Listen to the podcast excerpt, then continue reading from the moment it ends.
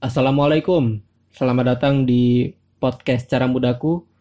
Ketika kita terjebak di sebuah masalah yang besar, yang menguras banyak tenaga, emosi, dan pikiran, bahkan bisa jadi sampai stres, mentok, bingung mau ngapain, entah itu sahabat yang nusuk dari belakang, atau tugas sekolah yang gak kelar-kelar, rasanya tuh pengen keluar dari masalah ini seenggaknya bentar aja deh. Mungkin kata yang paling dekat dengan situasi itu ya pelarian. Itu yang ada di otak kita kan.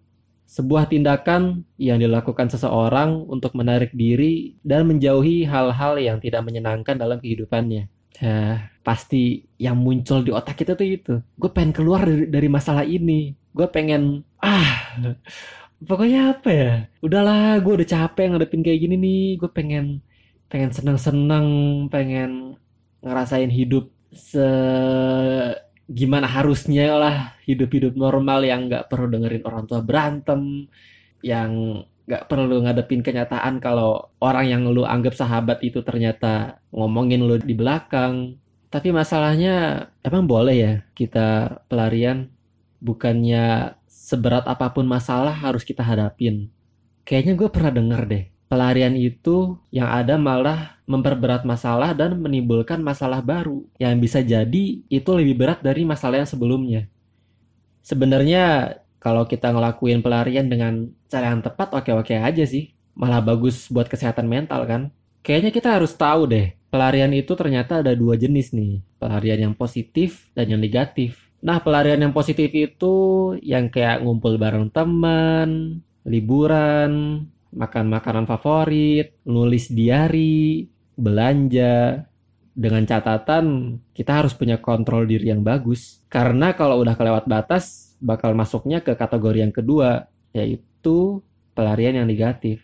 Gampangnya gini, pelarian negatif itu yang nyenengin kita sesaat, tapi malah nimbulin masalah baru yang bisa jadi lebih besar dari masalah sebelumnya. Misal, saking nyamannya belanja, saking senengnya beli ini, beli itu, mungkin dia udah punya apa, udah punya incaran-incaran barang-barang tertentu yang baru kali ini dia bisa mewujudkan keinginan-keinginannya itu. Sampai-sampai dia terlalu terlalu nyaman, lupa sama saldo ATM yang tahunnya udah habis bukannya berhenti malah lanjut ngutang. Lah itu kan jadi masalah baru kan. Contoh lainnya mabok.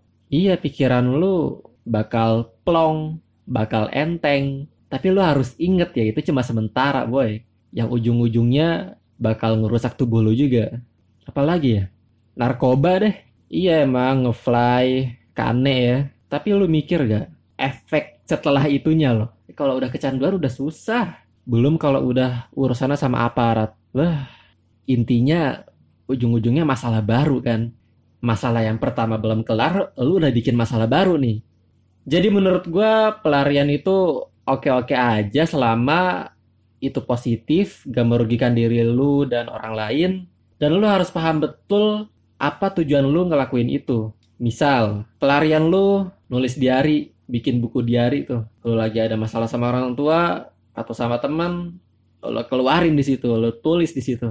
Dan lo tahu tujuan lo nulis ini ya buat itu sebagai media curhatnya lo buat ngejaga kesehatan mental yang pastinya.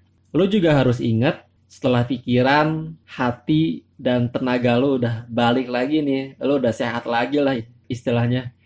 Ya lo harus pulang harus balik lagi dan ngadepin masalah yang pertama tuh yang sebelumnya jangan sampai lu keasikan di pelarian sampai-sampai lupa buat pulang. Ntar, ini udah berapa menit ya? Kok udah habis materinya?